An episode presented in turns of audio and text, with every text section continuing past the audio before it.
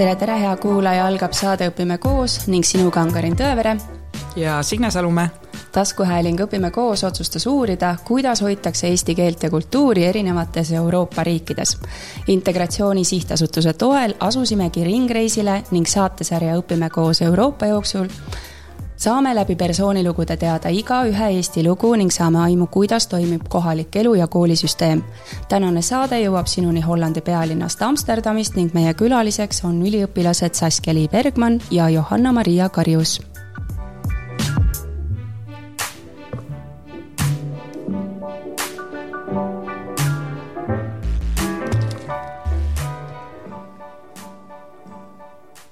tere Saskia ja tere Maria! tere! tere! Ma nüüd ütlesin sinule keskmise nime ja sulle esimese nime, aga teeme niisuguse hääleproovi, et äh, kuulajad saavad ka aimu, kellega tegu on, et alustame sinust, äh, Saskia. et tee väike enesetutvustus ja hääleproov mina olen Saskia, õpin Amsterdami ülikoolis politoloogiat ja nüüd on mul kolmas aasta käsil ja hakkan see aasta tasapisi lõpetama, aga kindlasti veel Amsterdamist kuhugi ei lähe.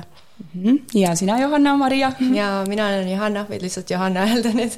Äh, mina lõpetasin eelmine aasta oma psühholoogia bakalaureusekraadi Amsterdami ülikoolis ka ja nüüd äh, õpin iseseisvalt äh, kasutajakogemuse disaini selge ja et me aru saaks, kust te pärit olete, et Eesti juured ka aru nii-öelda lahti harutada, siis Saskia, kus sinu juured on, kus koolis sa käisid ja nii edasi mina olen Tallinnast pärit, terve elu õppisin Tallinna Inglise kolledžis äh,, vahepeal elasin Viimsis ka, aga põhimõtteliselt Tallinna tüdruk. ja sina, Johanna? ja mina kasvasin tegelikult metsas ülesse põhimõtteliselt mina olen äh, jah, sündisin äh, Võrumaal, olen seal po pool oma elust peaaegu elanud ja siis viiendasse klassi Antsla gümnaasiumis käisin esimesed neli klassi ja siis viiendasse klassi kolisin Tartusse äh, käisin Mart Reiniku koolis ja gümnaasiumis käisin Hugo Treffneri gümnaasiumis. no nii, aga te otsustasite ühel hetkel, et hakkate välismaal õppima, et äh, kust selline teadmine ja mõte tuli ja, ja mis hetkel see mõte tuli? Minul oli see kindlasti terve elu sisse tambitud, ähm, seal astudes meil näidati, ma mäletan, kui William ja Keiti Pullman tuli, siis see pandi koolis telekasse ja kõik pidid vaatama. ja siis meil oli üheksandas klassis koolireis Oxfordi, nii et äh, see oli mul kindlasti koolipoolne suunitlus, et äh, tuleb selle poole pürgida. aga mitte perekonna ootus? ei, perekonnast ikkagi oli, et no aga Tartu Ülikool on ju ka suurepärane, mida ta kindlasti on, sada protsenti, minu jaoks ei olnud üldse hariduse kvaliteet see, miks ma läksin, vaid see põhimõte, et minna mm. -hmm. Johanna? ja ma arvan, mul oli pigem isiklik huvi ähm, kooli poolt, ma ei tea, nii palju vist ei olnud pere poolt. ma arvan, nad lihtsalt, mul ema kindlasti teadis, et, et mina lähen välismaale juba ähm,. aga mul vist tuli see huvi sellepärast, et ma hakkasin äh, keskkoolis, keskkoolis, põhikoolis, põhikoolis öeldakse äh,, hakkasin käima igasuguseid Erasmus pluss projekte tegema ja, ja siis ma käisin päris mitu korda kuskil välismaal tutvumas inimeste ja kultuuridega ja siis sealt, ma arvan, tuligi see huvi. et läbi oma selle kogemusega, kas perega te reisisite nagu eelnevalt ka selles mõttes, et oli tuttav, et kuidas mingisugune metroosüsteem toimib, lennupiletid, lennujaamad, või oli see kõik niisugune tundmatu maa, et nagu pis-, reisipisikut otseselt sees ei olnud? Mul kindlalt oli, ma Aha. käisin, ma käisin iseseisvalt ka juba, isegi kui ma alaealine olin, siis ma tahtsin juba sõpradega kuskile minna reisima ja perega käisime ka hästi palju. et äh, aga pigem Euroopa-siseselt mm. -hmm minul ta polnud nagu seotud selle reisipisikuga, et ma käisin äh, nii väitluse kui rulluisutamisega hästi palju võistlusreisidel sõpradega ja äh, siis käis, tegin ka neid Erasmus äh, pluss projekte ja igasuguseid Mudel-Euroopa parlamente ja asju mm. -hmm, sama aga siis no see ei olnud minu jaoks see, miks ma läksin, et reisimine on see, mida ma endiselt teen siit ka mm. -hmm. et nüüd mul on lihtsalt teine nagu baas mm. -hmm. aga kuhu teid näiteks see Erasmus pluss programm siis viis? Mina käisin äh, Soomes, see oli suurepärane kogemus, aga Saksamaal käisin ja Hollandis ka ja äh, jah, vist ma ei tule rohkem öelda, Austrias mm. -hmm. mina käisin Leedus ähm,, Belgias, Prantsusmaal. Need kolm projekti olid mul aga need on sellised lühiajalised, et äh, kui ja. pikad siis, ma ei tea, nädal, kuu, pool aastat, kui pikad need on? nädal mm. -hmm. mul oli ka, mul oli nädalased, kahenädalased ja siis üks projekt oli selline, kus ma olin grupijuht nii-öelda, siis ma sain, sain kaks korda põhimõtteliselt käia mm. -hmm. et äh, see oli hästi tore aga seal on selles mõttes, et äh, sa valid, äh, ma üldse ei tea sellest mitte midagi, sellepärast ma küsin, et äh, kas need tulevad kooli kuidagi ja pakutakse õpilastele või sa ise pead nende kohta infot otsima ja siis kuida-, kumba pidi see on? Ehm, sõltub projektist, aga minul oli vist, olid kõik koolivälised mm, -hmm. et noh, mina ei mäleta. minul ka.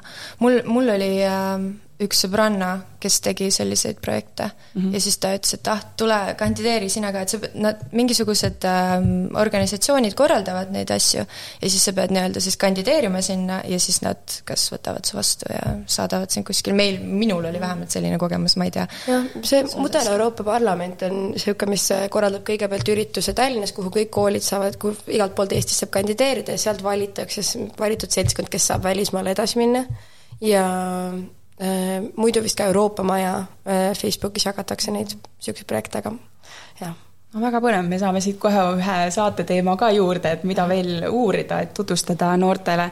et kas need projektid olid mõnes mõttes ka väikeseks tõukeks sellele, et te vaatasite natuke laiemalt, et mitte ainult Tartu Ülikool ja Tallinna Tehnikaülikool võib-olla, vaid mõtlesite, et ahaa, võiks välismaale minna minul oli pigem see, et ma kohtasin sealt nii palju vahvaid ja toredaid inimesi ja siis nemad kõik plaanisid minna välismaa ülikoolidesse siis vastavalt oma riikidest.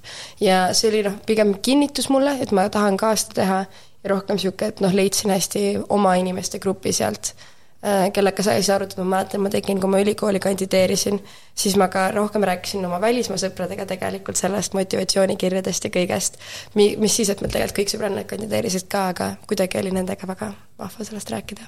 no minul oli kindlasti üheks, üheks suuremaks tõukeks see, et ma mhm. käisin mm -hmm. nendes projektides et need olid ägedad, oli enesekindlust andis. ja lihtsalt just see, et nagu tutvuda nende inimeste ja teiste perspektiivide ja asjadega ja lihtsalt see täiega jah, push'is mind no Saskia ütles ka, et äh, koolis ka nagu tõugati selle poole, et mm -hmm. tutvustati erinevaid, äh, erinevaid võimalusi, et mis teile siis tutvustati, kas konkreetseid ülikoole või oli mingid erialalised valikud nii-öelda niisugune karjäärisuunitusega või oligi see Amsterdami ülikool on see, minge siia mõlemad tehti, et minu arust nende alguses oli juttu sellest, vist oligi see, et mingid Erasmus pluss projektid käisid rääkimas, et äh, mis juhtub sinuga, kui sa lähed välismaale ja räägid hästi palju seda, kuidas sa ennast avastad ja tunned rohkem, kui sa oled võõras keskkonnas ja kuidas see on võimalus olla korraks midagi muud või noh, sellest vist keegi ei tunne sind, sa ei ole seesama inimene, kes sa oled omas klassis, sa saad olla kes iganes sa tahad veidike.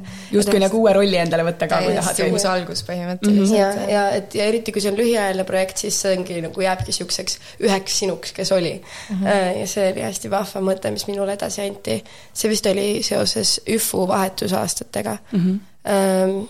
millest räägiti ja siis äh, konkreetsemalt ülikoolidest oli ähm, meil nagu niisugune üpriski Inglismaa poole suunitletud no te olite Oxfordis juba käinud. nojah, aga nüüd see pole enam relevantne, tähendab mm, -hmm. ma arvan, et see, seal ei ole enam seda laenusüsteemi, kus saab õppetoetust ja et äh, nüüd see on väga kallis lõbu, et varem see oli niisugune, et võtad Inglismaa valitsuselt laenu ja siis saad minna lihtsalt. aga siis räägiti küll spetsiifilistest ülikoolidest, tulid kas mm -hmm. rääkima, aga põhiliselt äh, mina sain ka infot lihtsalt tuttavatelt, kes olid käinud. ja meil Treffneris oli ka iga aasta, ma mäletan, oli mingisugune selline tutvustuspäev välismaa ülikoolidele.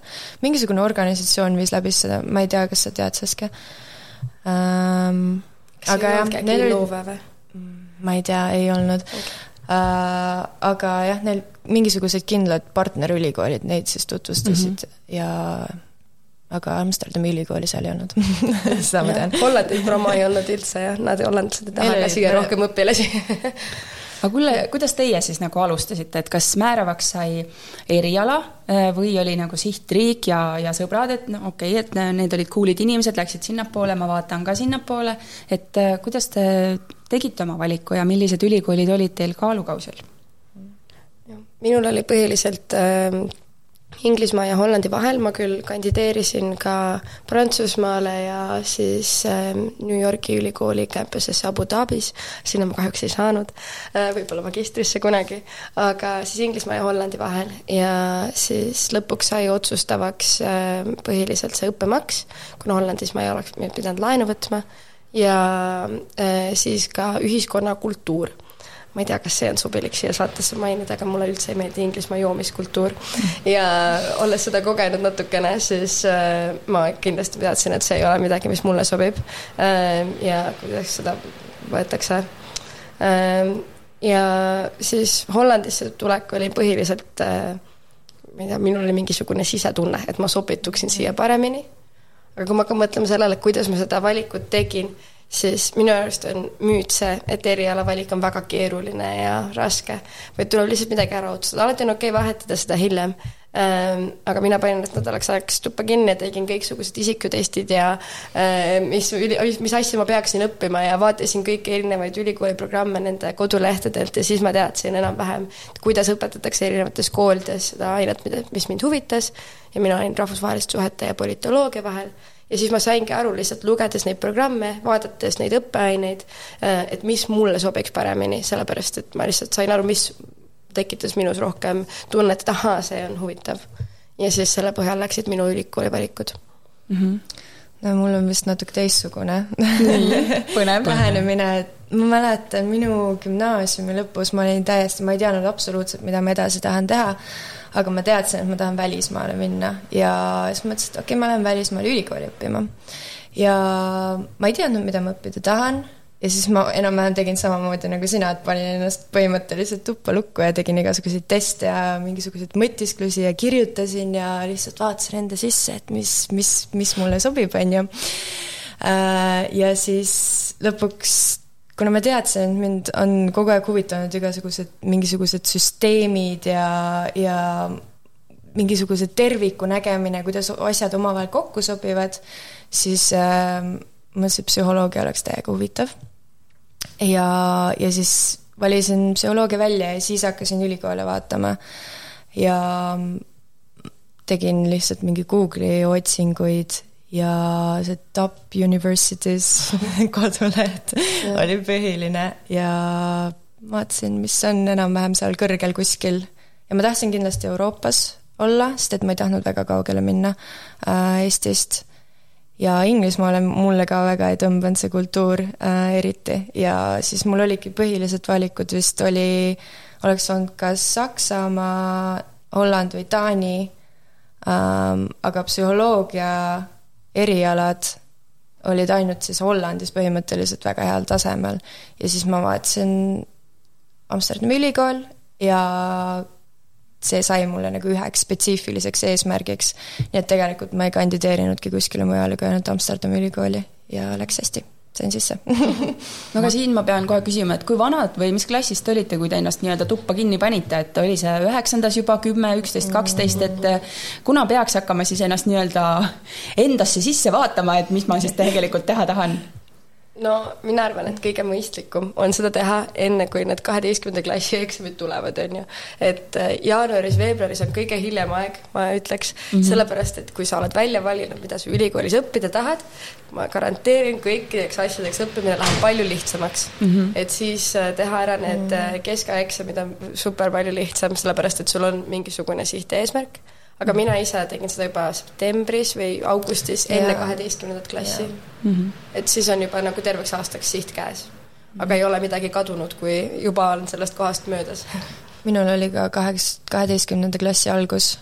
ma ütleks, et jaanuar oleks võib-olla liiga hilja, sest äh, osad, äh, eriti välismaa ülikoolid, need äh, sisseastumis, kuidas sa ütled juba enne jõule tuleb mingid asjad ära saata, motivatsioonikirjad nagu osades ülikoolides, ma tean. tähtajad nagu tulevad järjest, et ja. Äh, võiks teada jah, ei nojah, tegelikult on ikkagi, mida varem, seda parem mm. -hmm. Äh, aga ma ei ole millestki nagu ilma jäänud, ma arvan, et kui pole veel alustanud ka. Mm -hmm sa mainisid ühte veebilehte mm, -hmm. kus ülikoolid on, räägi sellest natuke täpsemalt, mina näiteks ei tea seda, et kui keegi otsib mingit kindlat infot või mis ma sealt saan? see Top Universities, seal on, seal on lihtsalt põhimõtteliselt äh, ülikoolide nagu edetabel või? Äkki saab need lingid panna alla, et üks on see QS World Rankings mm -hmm. ja siis on Times Higher Education rankings äh,, muidugi ei tule, see ei ole, see ei loe ei ole ainult niimoodi, et mida paremas ülikoolis käid no,, seda parem, aga ta annab selles suhtes väga õige arv-, aimduse sellest, et seal on üks, eriti üks kategooria on student satisfaction mm. -hmm. ja just see rahulolu on minu arust noh, kõige olulisem faktor, mida vaadata. nii et sellest võiks nagu alustada ja siis ja. minna ja. niimoodi edasi, et ja. kui leiad, et ahah, see on nagu päris kõrgel võib-olla, see rahulolu on ka hea, et siis lähed hakkad uurima, et ja. Kuidas seal no,, mis need programmid on? ma ise tean seda, et äh, mina, miks ma tahtsin Prantsusmaale minna ja seal, seal on number üks politoloogia ülikool. ja nüüd ma tean kõiki neid tuttavaid, kes seal käivad, vabandust, äh, kui keegi peaks seda kunagi kuulama, ja nemad ei ole keegi üldse rahul, sellepärast et äh, need tulemused, mis neil on väga head, mis, miks nad on tipp, on sellepärast, et neil on magistris ja doktorantuuris on väga head uurimustööd, aga bakalaureuseõpilastele see kedagi väga ei huvita, mida nemad teevad ja siis ei ole seal väga palju tähelepanu pööratud sellele, et seal üldse oleks hea algus, aga noh, see on ikkagi väga hea ülikool loomulikult. jah, aga selliste näitega kõike no ma lähen siit kohe siis nõuannete nurgaga edasi, et äh, mis teie soovitused on noortele, et äh, me teame, et mis ajal nüüd peaks hakkama vaatama, et mida te teete kinniste uste taga ja, ja milliseid lehekülgi sirvida, et mis nõuandeid te veel annate, et kui noh, ükskõik mis riiki noor inimene otsustab minna, teie saate nüüd tuua selle Amsterdami näite, et kuidas teil oli? mina arvan, et kõige olulisem on vaadata, et äh, sinna saab sisse selle haridusega, mis on, kas tuleb mingeid valikeksameid valida Äh, ja et siis selle erialaga saaks ka seal, kas seal tööd või siis tulevikus Eestis tööd, näiteks psühholoogiaga mm, -hmm. juuraga, arstiteaduskonnaga, et kõige sellega tuleb vaadata, et mis on need päriselt need nõudmised ja mida sellega hiljem edasi saab teha ja kas ta saab Eestis edasi teha või kui ei saa, siis kas te olete päriselt valmis Inglismaal äh, advokaat olema ahaa, et selles mõttes peab mõtlema juba ka samm kaks edasi, et mis saab pärast lõpetamist, et kas ma saan mm. näiteks Eestis seda eriala nagu kas see paber loeb nii-öelda mm? -hmm. jah. ja seda ma näen siis ülikooli lehelt või kust, kust lehelt ma näen seda äh,? seda tuleb üldjuhul lihtsalt guugeldada ja ega see ei ole ka maailma lõpp, kui ei saa okay. tavaliselt ma ütleks, et äh, isegi ülikooli lehtedel on olemas äh, põhimõtteliselt, äh, mis sinu siis karjääri see kuhu edasi nii-öelda jah, et mis võimalused on? nägema, et, et jah, kuidas, mis tööd sul oleks võimalik teha selle, selle kraadiga. seda mm -hmm. ma olen näinud, aga jah, just ma, ma tahaks ka öelda, et, et äh, kindlasti tuleks vaadata, et mis nõudmised on enne, kui sa sisse astud, et äh, kuidas see sisseastumisprotsess üldse välja näeb mm.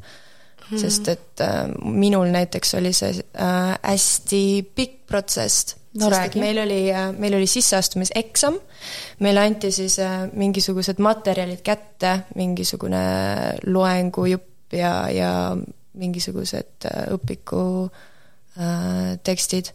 Ja siis selle põhjal äh, tegime eksami. Ja see võttis tegelikult hästi kaua aega sa mõtled hästi palju aega selles mõttes, et äh, tegin ühel päeval ära või tegin mitu päeva ei, ikka? see selle? oli ikka mitu nädalat mm. -hmm. mitu nädalat kulus selle peale, ma mäletan, et mul oli just see eksamite aeg ka koolis ja siis ma samal ajal õppisin sisseastumiseksamis nagu koolis mm. -hmm.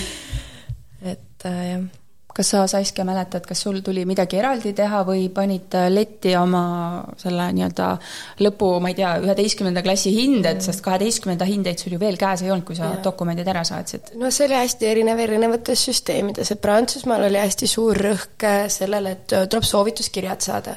ja selleks oli ka vaja juba mul hakata vist oktoobris küsima õpetajate käest, et kes tahab minu kohta teha, täita mingi suure küsimustiku ja neil oli mingid noh, põhiliselt nad tahtsid top kümme, kümme protsenti õpilasi, õpilasi ja õpetajad pidid siis kinnitama, et ma olen klassi küm-, top kümme protsenti.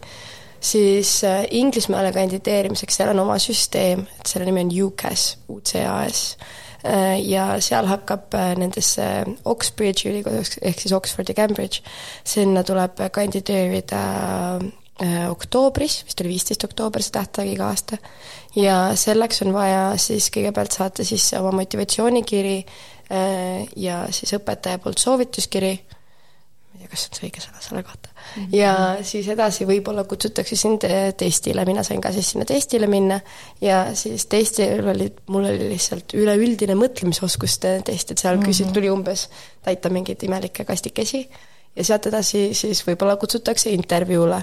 et see on ka protsess, mis hakkab siis oktoobrist ja kestab kuni umbes jaanuari-veebruarini, kuni sa päriselt teada saad.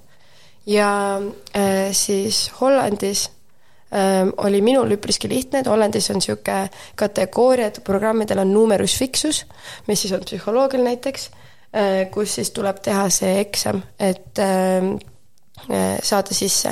aga enamus programmid ei ole numerusfiksusega, mis tähendab, et kõik saavad sisse, kui sa oled lõpetanud edukalt keskkooli ja Eestis siis ka, Eesti eksamitelt minu arust sealt ka ei ole mingeid muid nõudmiseid, küll aga osasid aineid, minu arust ka psühholoogiat ei saa teha kitsama matemaatikaga. Aga ma ei ole sada protsenti kindel selles. meil jah, midagi taolist oli, sest nad ikkagi vaatasid äh, mu hindeid vaatasin, ma pidin seal mingi miljon asja veel enne läbi tegema, kui mm. ma selle eksamile sain. et äh, mingisuguseid dokumente oli hästi palju vaja. jah, see, minul oli vist vaja CV-d ja äh, muidugi inglise keele see eksami ah,, seda, see oli, see oli väga kas see on see Cambridge'i test, mida nad nõuavad või on see sinu testiga, mis sa rääkisid, see psühholoogia test, et sellega nad juba selle, vaatavad sinu keeletaseme ka ära, et mm -mm. see oli eraldi, et seda mina mm., mina sain jah selle Cambridge'i omaga. seda ei pidanud tegema, sest ma olin selles IB programmis mm mm. -hmm. et siin oleneb juba see, et kui sa tuled IB-programmist, siis juba teatakse, et sul on ja. keeletase olemas. ja mina ütleks vahepeal, et kui siin kuulab mõni õpilane, kes kaalub, kas minna IB-sse või mitte, siis vastus on, et noh, kui sa tõesti tahad. aga et enamus, mis selle kohta räägitakse, on vale. mingi lihtsam välismaale minna, ei, see on lihtsalt nii vale. vabandust, nüüd ma jälle lihtsalt räägin halvasti oma endistest klassikaaslastest, aga mul oli üks äh, sõber, kes läks õppima Inglismaale väga prestiižsesse väga,, väga-väga prestiižsesse ülikooli ähm, ja siis siis äh, tema sai alale, mis nõudis matemaatikat väga, väga karmilt. tuli sisse kitsama matemaatikaeksamiga, lihtsalt sellepärast, et neil polnud õrna aimugi sellest. IB eksamitega seevastu sul on mega competitive ranking äh, maailma mastaabis ja see on väga palju raskem saada sisse, sellepärast et kõik täpselt teavad, mida sa teed, Eestist on väga palju lihtsam äh, riikliku õppekavaga. aga ma jätkaks selle kirjeldustega nendest äh, süsteemidest, kuidas oli et mm -hmm. siis enamus Inglismaa ülikoolides, välja arvatud siis Oxford ja Cambridge, hakkab kogu see protsess äh, jaanuar viisteist ja siis sa pead saatma sisse oma CV ja motivatsioonikirja ja siis kinnitatakse alles suvel, kas sa oled sisse saanud, peale seda, kui need keskkoolieksami tulemused äh, tulevad, see on tegelikult kõikide süsteemidega. ja USA-s on ka eraldi süsteem, kus sa pead siis ka maksma sada eurot, et kandideerida iga ülikooli kohta. see vist enamus, enamus nendes portaalides, et pead maksma, et kandideerida ja siis USA-st tuli saata minul kolm esseed, äh, mis olid siis etteantud teemadel kirjutatud ja siis motivatsioonikiri ja CV ja üks saatekiri. jah, see vist on kõik minu kogemused. sa mainisid õpetaja soovituskirja mm, -hmm. et äh, mis nõuanded sul seal on, et millise õpetaja poole pöörduda, on see lihtne, on see raske, kas õpetajad teavad üldse, et äh, mida neilt oodatakse, kui õpilane pöördub, et mul on soovituskirja vaja? Mina arvan, mis kogemus on? üldjuhul see on äh, vestlus äh, õpetajaga, et kuidas igale ühele päriselt sobib see. et äh, mina tean, mul oli erinevad kogemused, mul oli kokku vist neljalt või viielt õpetajalt ja mul oli kokku ainult kuus õpetajat IB programmis. ja siis põhiliselt oli niimoodi, et ma läksin nende juurde ja siis nad rääkisid, kas nad tahavad istuda minuga maha ja selle kirjutada, nad kirjutavad selle täiesti ise ja siis oli ka üks õpetaja, kes ütles, et kirjuta ja siis ma muudan seda. ja et mis täpselt on need nõuded, et loomulikult õpetajad on vastu tulelikud selles osas, ma eeldan, et äh, tulebki, ma arvan, et neile saata see informatsioon, mida ülikool täpselt nõuab, kuidas täpselt see tuleb olla, tuleb vormistada ja et mis on need selle programmi juures, kui on olemas kirjeldatud, milline see õpilane peab olema, et loomulikult siis otsida, et millised on need aspektid, mis päriselt on ka selles õpilases, kes küsib, olemas nii, aga see on nüüd, on ju IB kogemus, aga sinul, Johanna, kas sa üldse ma pidid soovituskirja? minul ei olnud soovituskirja, ma ei tea. kas see sõltub ülikoolist, kes nõuab, on ju mm? -hmm. küll, jah. okei okay.. no aga Programmista. nüüd siis teiselt poolt see motivatsioonikiri, et kas teid õpetati kirjutama koolis, kuidas kirjutada, kirjutada mm. motivatsioonikirja ülikooli astumiseks no., mis te kirjutasite siis sinna? raputate pead, on ju, mis te kirjutasite? mina küll ei mäleta, et keegi oleks kuidagi no. juhendanud või mingeid nippe andnud või midagi. meil oli eraldi tund selle jaoks. no näed, sa ütled, et õppe ei soovita, ei, see oli, see oli lihtsalt Inglise kolledž ja siis ei olnud ainult IB.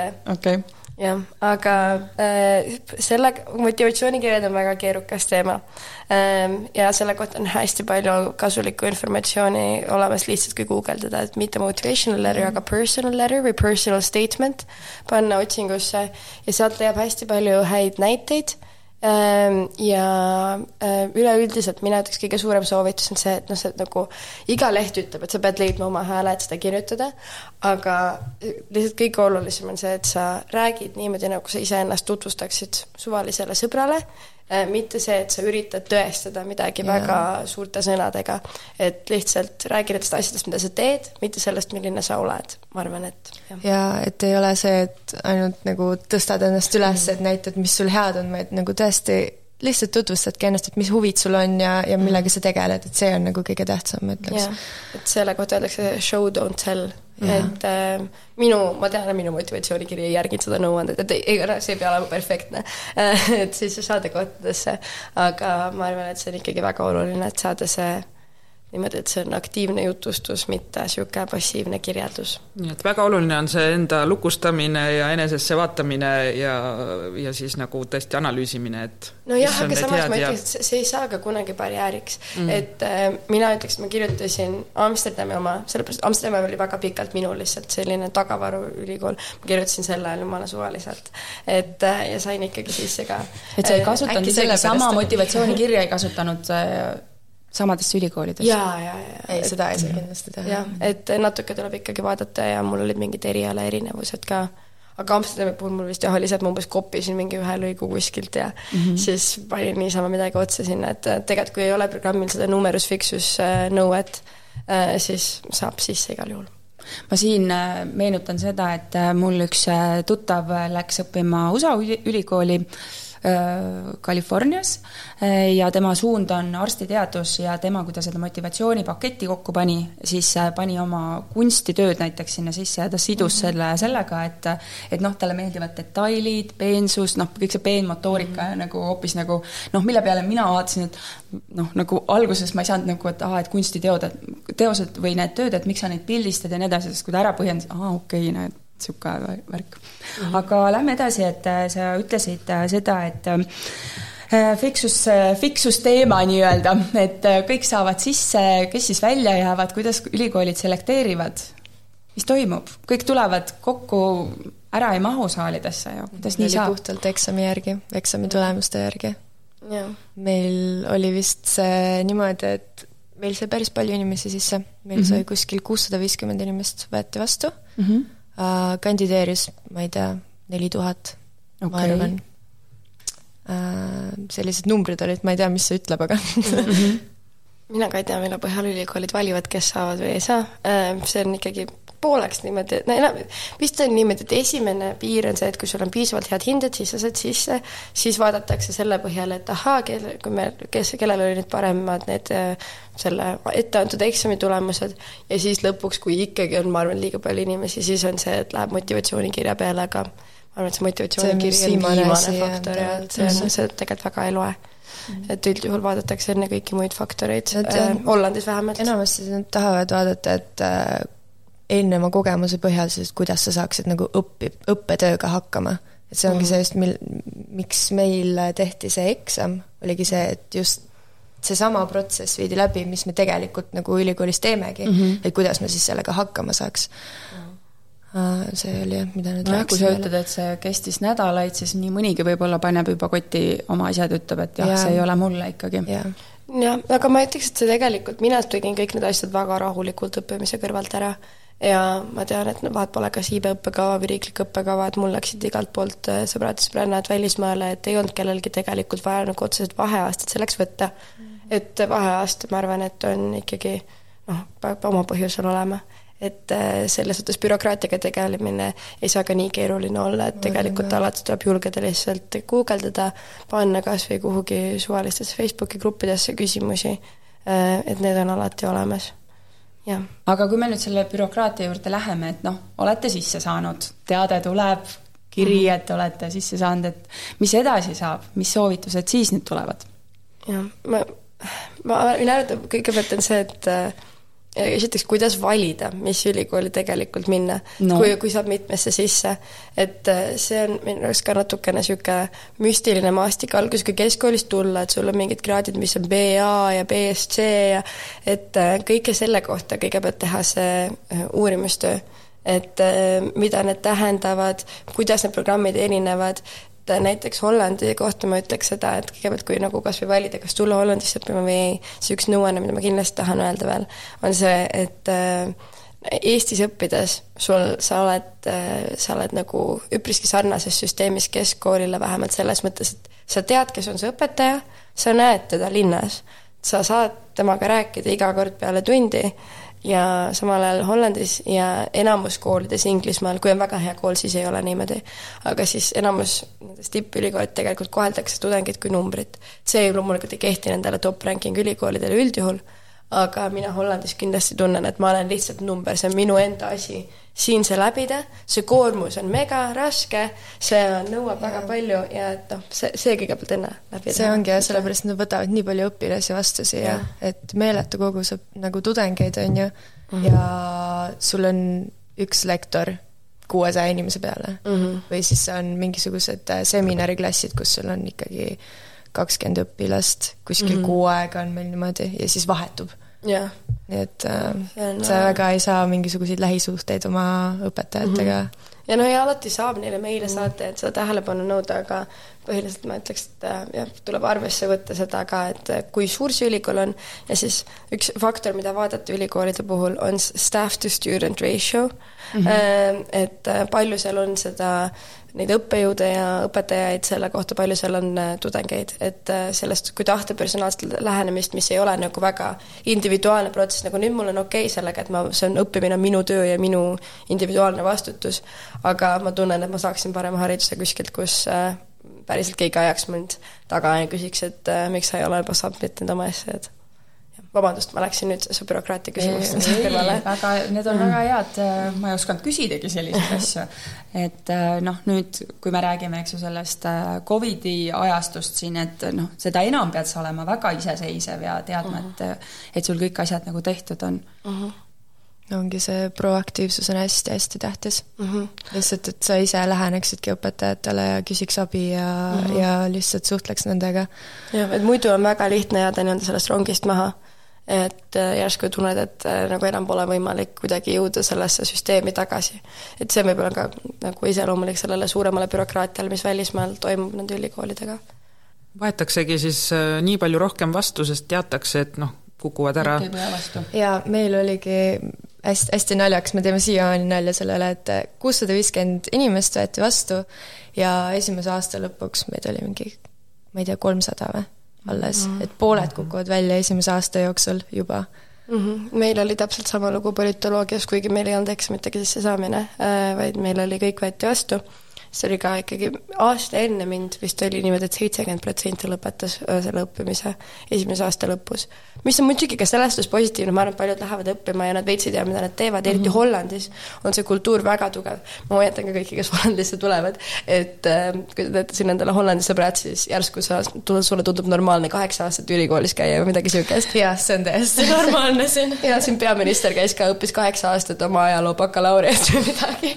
et kõik teevad vahepealt mingit nagu kui see bakalaureus kunagi ära ei lõpeta, sa saad lõpmatut bakalaureuse kõrvale õppida ja siis sinna antakse seda õppelaenu koha, kohalikele ja siis nad lihtsalt käivadki kõik professionaalselt ülikoolis mingi kümme aastat.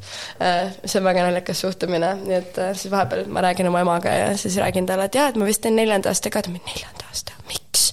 mille jaoks?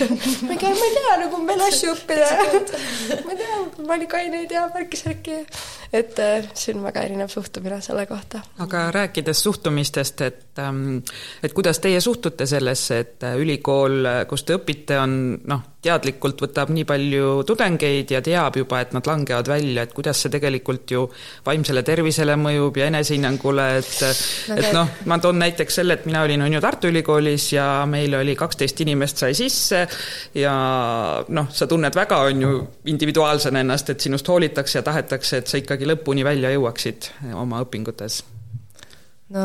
mängib see rolli või on see selline noh, igaüks peab ise rolli. hakkama saama? jah, ma ei, ma ei oska öelda selle vaimse tervise koha pealt praegu midagi no minul on ikkagi olnud siin väga palju nagu lähedalt nägemist seda, kuidas ikkagi esiteks, et sa oled kodust kaugel, on raske ja keeruline ja teiseks siin see, et siin on väga nõme talv ja kõik on pime, vihmane, tuuline, nõme ja siis seal koolis on ka veel raske.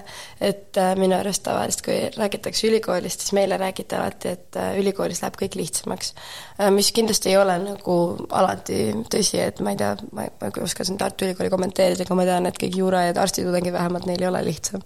aga äh, Inglismaal ülikooli minnes näiteks asi läheb lihtsamaks, sa käid ülikoolis viis kuud aastas äh,, ei, seitse kuud aastas, midagi niisugust, üks nendest kahest.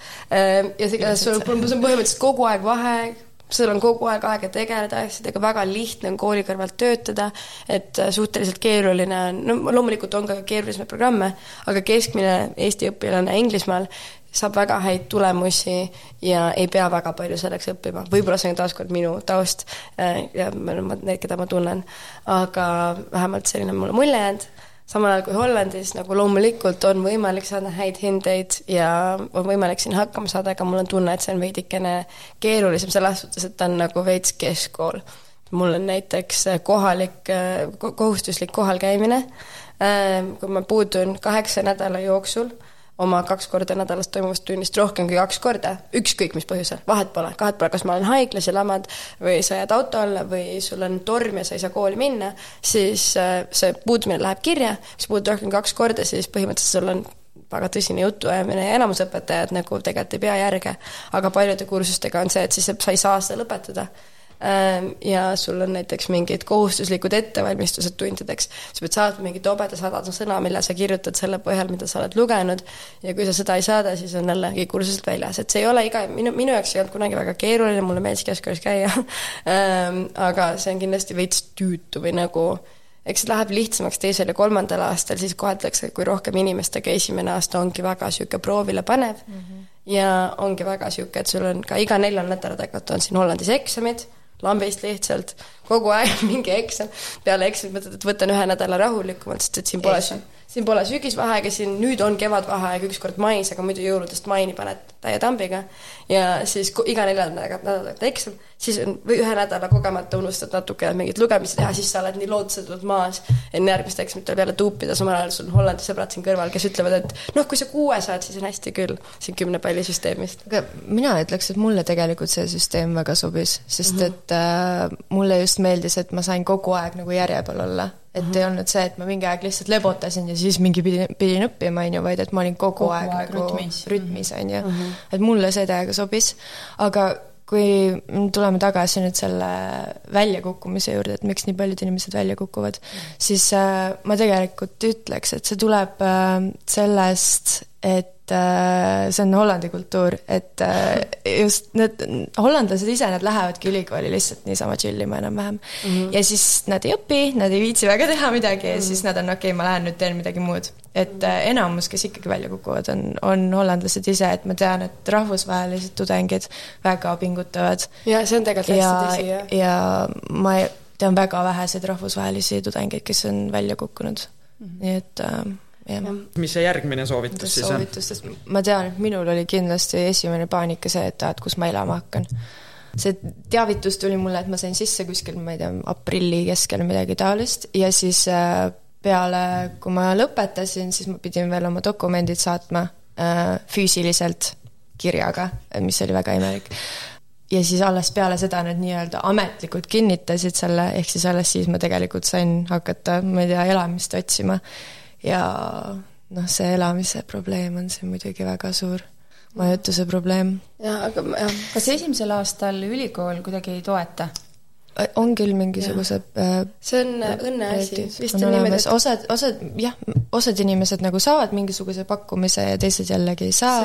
see on, äh, kaks kolmest vist saavad, et mm -hmm. ja sõltub ka, kui hea pakkumise sa saad, et osad on väga head, osad on natuke halvemad aga üldjuhul Holland äh, toetab väga vähe oma rahvusvahelisi õpilasi selles suhtes, et äh, no nii rahaliselt näiteks kohalikud siin saavad tasuta transporti ja muud säärast, aga üks asi, mida nad pakuvad, on renditoetus, et kui sa elad niisuguses sobivas äh, majutuses, mis on siis, tähendab, et sul peab olema stuudiokorter või tähendab, üks välisuks inimese kohta, ähm, siis saab kakssada eurot kuus toetust rendi koha pealt, et üldjuhul, kui sa saad selle ülikooli majutuse, mis on umbes kuussada eurot kuus, siis sa saad ka selle renditoetuse, äh, mis tähendab, et sa maksad tegelikult nelisada eurot kuus, mis minul oli esimesed kaks aastat õnneks. jah, et siis mul, minul oli okei okay. et on neid õnnelikke juhtumeid ja ma tean, et minul kõikidel sõbrannadel läks samamoodi ähm,. aga on ka ikkagi väga keeruline edasi leida midagi, eriti kui ei, mitte olla valmis seadust rikkuma. mina elan ka hetkel väga ebaseaduslikult. mina, ma sain ka ülikoolilt pakkumise äh, mingisugune, ma ei tea, tudengi hostel? hostel, ei olnud hostel, ta oli ikkagi mingisugune, aga ma sain ainult aastaks ajaks selle lepingu, et siis ma pidin sealt välja kolima. aga jah, ma sain stuudiokorteri, aga mina maksin seitsesada kolmkümmend eurot kuus mm. -hmm no kui te raha peale nüüd rahast räägite, siis noh, üks asi on see elamiskulu ülikooli õppimine on, on aastamaks ka noh, pluss veel, pluss veel, eks ju, söögiraha ja muud mm -hmm. kulud, et palju teil kulub kuus? mina lihtsalt kulutan väga palju raha, see ei ole normaalne. ma kulutan lisaks äh, rentile tavaliselt viissada, kuussada eurot kuus, mis see on no on ma ütlen, üks, ütleks ka, et kuskil tuhat eurot kuus on selline mm. -hmm. jah, et äh, ja muidugi ja sinna tuleb juurde õppemaks jah, õppemaksu ja. ma ei loe seda sinna sisse. ma ei loe ka. ja Hollandi õppemaks, ma ütlen, et selles suhtes äh, on üpriski väärt seda, et äh, siin on tavaliselt, on kas äh, esimene aasta on juba pooleks see õppemaks, et siis on tavaliselt äh, tuhat äh, eurot aasta ja äh, ta peaks olema jah, tuhat nelikümmend kaheksa vist mm. -hmm ja siis on kaks tuhat üheksakümmend kuus teine ja kolmas aasta, aga hetkel nad näiteks tõmbasid äh, kõik õppemaksud pooleks Äh, sellepärast, et koroona, koroona, koroona aga ma ei, aga tundub, et äh, siin poliitiline diskursus läheb selles suunas, et lähevad, jääb see madalamaks ja äh, potentsiaalselt pakutakse ka rohkem õppelaenu võimalusi. sellepärast, et siin, kui töötada viiskümmend kuus tundi kuus, siis saab ka tasuta ühistranspordi ja saab ka tasud, saab ka seda õppelaenu võtta mis on hetkel siin äh, illegaalne, sellepärast et see on, see on täiesti Euroopa seaduse vastane, mida nad korraldavad, äh, sellepärast et tohiks korra-, kohelda Euroopa Liidu kodanikke teistmoodi mm, -hmm. aga nad seda teevad ja keegi ei viitsi sellega kakelda ega vaielda.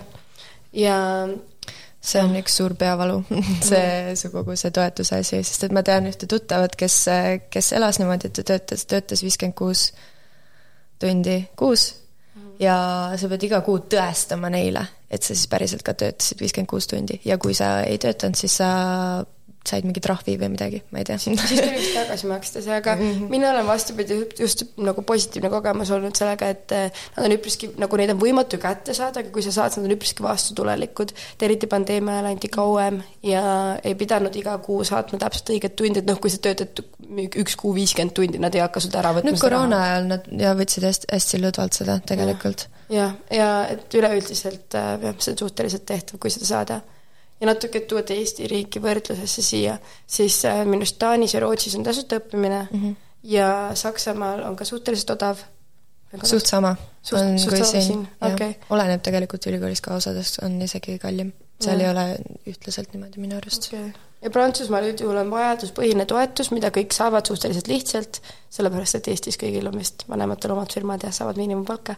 Ehm, ja siis see peab suht tehtav olema ja Inglismaal on niimoodi, et no mina ütleks, et nüüd, kui keegi kaalub minna Inglismaale õppima, siis no ikka tõesti peab olema väga suur soov just minna mingisse kindlasse ülikooli või väga suur võimekus maksta seda, sellepärast et äh, seal isegi, kui peaks tulema tagasi mingisugune õppelaenusüsteem, mida hetkel ei ole, siis see on umbes kolmteist tuhat eurot aastas bakalaureoses, ähm, makistris võib olla isegi kallim ja äh, selles suhtes riigipoolset toetust on suhteliselt keeruline saada.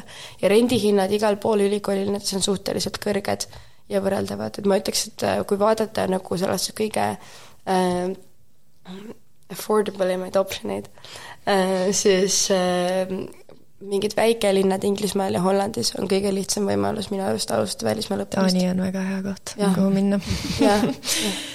kui sa leiad, et sinu, sinu eriala on seal. ja, ja muidu ka tore mm. -hmm. ehk siis tegelikult võib juhtuda nii, et äh, kuigi sa käid Amsterdami ülikoolis, siis sa elad võib-olla kakskümmend, kolmkümmend kilomeetrit eemal ja. ja siis on nagu väga okei okay.. ma tean täiega palju inimesi. ma tean nii palju, aga minu arust see on lihtsalt nii kriminaalne või noh, see on, see on lihtsalt sa, see, seal on väga palju tegelikult uurimusi selle kohta, kuidas commute imine või pendelränne siis tekitab inimestele halvema vaimse situatsiooni mm. -hmm. ehk siis ütleme niimoodi, et kõigele sellele lisaks siis, kui sa ei saa elu, elada ilusas Amsterdami kesklinnas, siis ma ütleks, et on väga keeruline mm. -hmm aga Johanna, sina elad Amsterdami kesklinnas. mina elan peaaegu.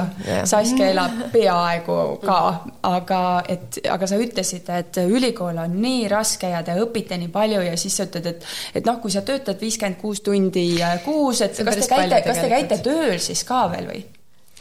mina olen teinud tööd ka jah, aga mitte, mitte viiskümmend kuus tundi okay.. mitte nii palju. jah, ja, ja, ja ma tegelikult tahaks ka öelda, et nagu, nagu see õppimine tegelikult okei okay olnud mulle vähemalt mm. -hmm. et ma esimene aasta, kui kõik oli füüsiline, siis mulle väga meeldiski õppida, ma istusin väga hea meelega iga päev seal raamatukogus ja selle kõrvalt jah, ma ei oleks saanud tööd teha. aga samas ma väitlesin ka hästi palju, et äh, ma käisin peaaegu iga nädalavahetus turniiril mis tähendab, mul oli terve nädalavahetus kinni, ma ei saanud siis õppida ja ma ei saanud siis töötada, ma tean, et paljud äh, minu kursused olidki niimoodi, et nädala sees õppisid, nädalavahetused töötasid ja nagu see on muidugi keeruline, kui ei jää palju aega sotsiaalseks eluks üle, aga ma ütleks, et see ei ole nagu võimatu või siis kas tehagi niimoodi, et kogu aeg töötada kõrvalt ja siis tehagi neljas aastaga, et võtta näiteks üks kursus vähem või midagi niisugust. kas ülikool nagu soodustab seda ja propageerib seda, et minge ja töötage äh, õppimise kõrvalt või pigem vaadatakse sellele, et äh, noh, et tee oma asi, et kui jaksad, siis tee ja, ja pigem ma ütleks, et meil oli küll niimoodi, et, et keegi nagu ei ootanud, et, et sa nüüd teed tööd kõrvalt mm. -hmm jah, et noh, selles suhtes ei olda nagu just liiga vastulikud a la, kui sa pead tööle minema ja siis pead tunnist puutuma, siis läheb puutumine kirja mm. -hmm. aga samas ma ütleks, et see kultuur ülikoolis on pigem selline, et kui sa tahad töötada ja teha, näiteks mitte teha ühte kursust, siis see on hästi okei okay et kui sa nüüd näiteks ütled tudengi teistele kaastudengitele, et jaa, et jaa, ma ei saa tulla kuhugi või ma ei, ma ei tee seda kursust see praegu sellepärast, et ma tahan tööl käia, siis see on hästi okei okay., kõik on nagu mina nii vahva mm -hmm. või mis iganes põhjusel ähm, näiteks, et ma ei tea, võtavad praegu mingit politoloogiakursust, ma mõtlesin, ma õpin veits hollandi keelt hoopis, kõik on nagu mingi ees, on lahe. saad hiljem alati järgi teha neid asju. et selles suhtes, see suhtumine mulle siin meeldib, et see ei ole maailma lõpp, kui sa ei tee mingit ühte kursust teistega koos, midagi niisugust aga teised äh, tugisüsteemid, et äh, noh, siin Hollandis on see ka ju, et näiteks see pangakaardiga, et äh, kui me oleme siin Signega proovinud maksta, siis no ei, ei toimi meie pangakaart ja siis noh, ma tean, et peab olema spetsiaalne pangakaart ja et seda spetsiaalset pangakaarti ja kontot saada, selleks peab sul olema aadress ja ja siis on veel tervisekindlustus ja noh, niisugused pisiasjad, mis teile veel meelde tuleb, tulevad, et mis võib-olla on natuke, mille peale inimesed kohe ei mõtle, aga et, et sa peaksid nagu teadma. mulle anti koolis põhimõtteliselt põhimõtteliselt äh, juhendid ette, et kuidas mm -hmm. mida teha, et see oli suht hästi. et see registreerida ennast linnas sisse ja, ja pangakaart teha kindlasti, pangakonto avada ja et see on ülikooli poolt selline toetus, mentorlus? nad, nad, nad põhimõtteliselt lihtsalt annavad sulle juhendi, et mm -hmm. vaata siis ja. ise, kuidas sa teed. Jah mina ütleks ka, et see ei ole üldse hull või sa ei pea seda, seda ei tule arvesse võtta minu arust ülikooli minnes mm. -hmm. et mhm. need kulud üldjuhul on ülikooli äh, lehel kuskil olemas, et mida sa oskad äh,, mida võib eeldada mm. -hmm. ja siis selle bürokraatiaga tegelemine, noh, läheb kaua läheb, Hollandis on veel niimoodi ka, et kui sa näiteks õigel ajal ei äh, kandideeri mingile toetusele, sa saad seda nagu retroaktiivselt ka mm, -hmm. et see on hästi okei okay, võtta nagu nii palju aega, kui sul läheb ja siin Hollandis on minu arust, noh, Eestis on ka tudengielu vahva ja lõbus, sul on erinevad ühingud ja korporatsioonid. Ja kui problemaatilist ikka ei oleks, võib-olla see on minu väärtushinnang, aga siis äh, siin on nii tore, sellepärast et siin on äh, iga programmil on oma selline nagu programmiühing ka yeah.. see on nii vale sõna selle kohta, aga study society mm, -hmm. mis on eraldi siis student society'st, et mis on kõik nagu need hori-, hobid ja erialad ja mingid niisugused vehklemised ja judod ja väitlused ja mida iganes, on sul, on ka see, et noh, minul poliiti-, politoloogia tudengina oligi niimoodi, ma sain, mind lisati Facebooki gruppi, mind lisati Whatsappi mm -hmm. chati mm, -hmm. seal olid kuus inimest, kes olid teise aasta õpilased, kes korraldasid seda. Nad kõik ja. kirjutasid mulle kogu aeg, kuidas sul läheb, kas sa oled sellega tegelenud ja nad istuvad, see on nende täiskohaga äh, töö ja nad on ise selle eelmine aasta läbi teinud ja nad lihtsalt on nii sõbralikud, abivalmid.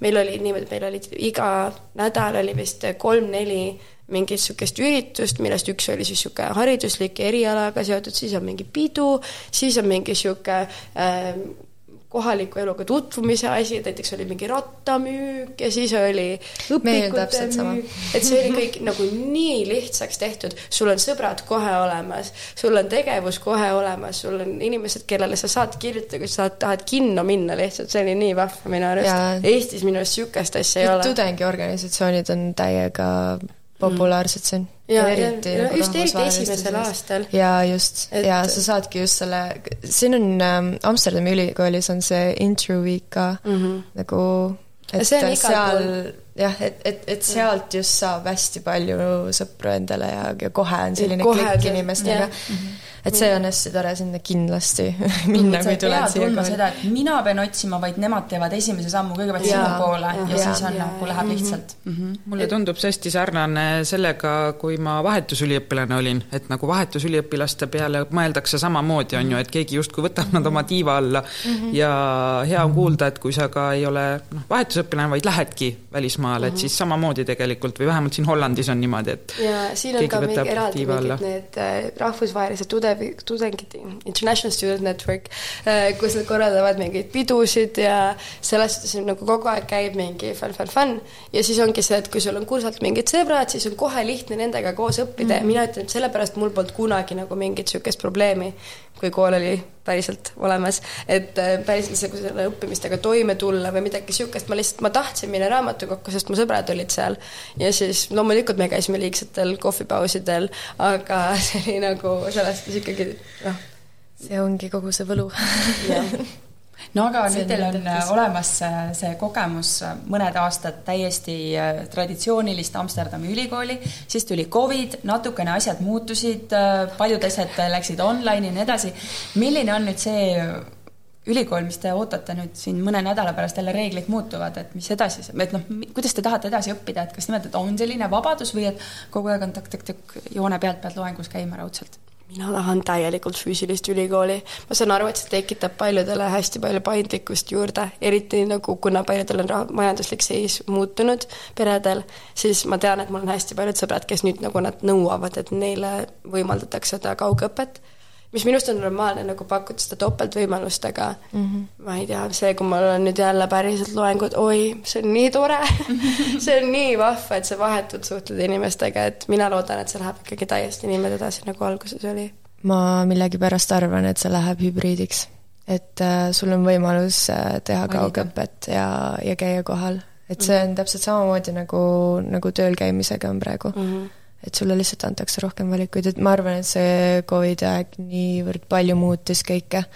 aga see võib olla ka selles suhtes selle mm, faculty põhine mm, -hmm. et mm -hmm. ma tean, et äh, näiteks ma tegin kõrvaleriala ähm, konfliktiõppes, conflict studies'es, ja seal nemad ütlesid, et nemad ei saa kunagi õpetada hübriidis, sellepärast et seal on -hmm. vaja sul seda vahetut arusaama ja vahetut suhtlust ja noh, näiteks meil käis rääkimas üks genotsiidi ohver, ja no sorry, aga kui sa kohtled seda kui podcast'i, mitte et sa ei vaata talle otsa mm, -hmm. siis sa ei saa sedasama tunnet kätte mm. -hmm. et ähm, selles suhtes ma arvan, et äh, mingid asjad jäävad kindlasti päriselus juhtuma ja ma tean, et minul politoloogias vähemalt kõik õppejõud väga rõhutavad seda, et noh, kui sul päriselt ei ole võimalik, siis sa võib-olla võid olla online'is, aga muidu ikka tule kohale aga mis edasi saab teist, et äh, mitu aastat, seitse-kümme te plaanite siin üliõpilased olla, et äh, mis teil mõtted on, et kas äh, jätkad äh, äh, magistriõpinguid siin Amsterdamis, mõtled sa, vaatad sa ringi, sina, Johanna, juba tegid nagu teise valiku, kohe jõuame sinuni ka, on ju,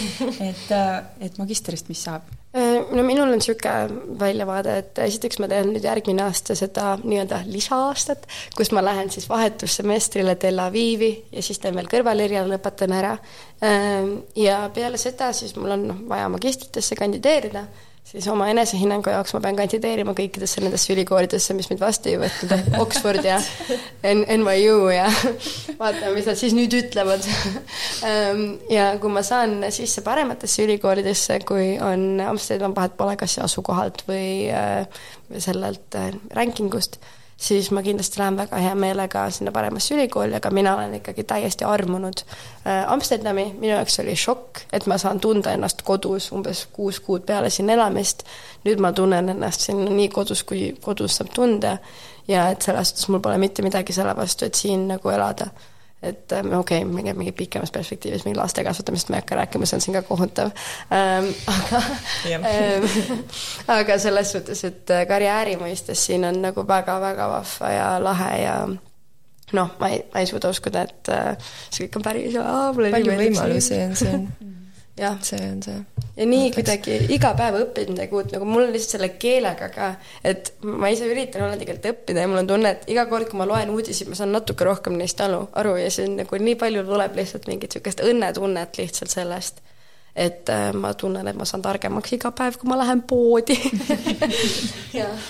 Aga Johanna, sina, sina oled bakalaureuse nüüd lõpetanud, mida sina teed? Mina lõpetasin ja äh, nüüd eelmine suvi oma baka ja, ja siis ma otsustasin, ma tahan kindlasti magistrisse edasi minna. Ja mina astusin siis, siis Rotterdami Erasmuse ülikooli äh, eriala peale digitaalmeedia psühholoogia.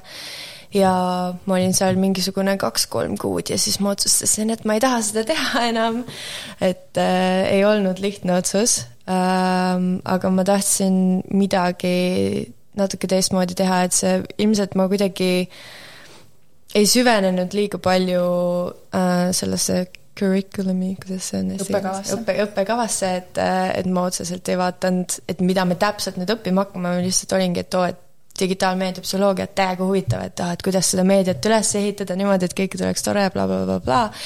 ja siis äh, tuli välja, et ei olnud üldse see, mida ma ootasin, et enam-vähem me seal vaatasime, et mis siis juhtub, kui äh, töötaja kasutab mobiiltelefoni töö ajal enamasti. mingisugused sellised teemad. ja kuna ma olin varem juba iseseisvalt hakanud kõrvalt õppima veebidisaini, siis äh, ma otsustasin, et ma tahaks nüüd täielikult sellele keskenduda ja nüüd praegu jah, novembris ma siis äh, jätsingi oma magistri pooleli ja, ja hakkasin iseseisvalt õppima kasutajakogemuse disaini äh,. teen igasuguseid netikursuseid ja praegu on mul üks äh, Google'i programm pooleli, mis kestab kuskil pool aastat ja siis ma olen valmis töötama nii nad ütlevad vähemalt, aga eks näis. aga mõtled sa nagu magistriõpinguid kusagil jätkata Eestis? praegu mul küll, ma, ma kusjuures isegi äh, mõtlesin selle peale, et ma tahaks seda ka kasutajakogemuse disaini õppida ülikoolis.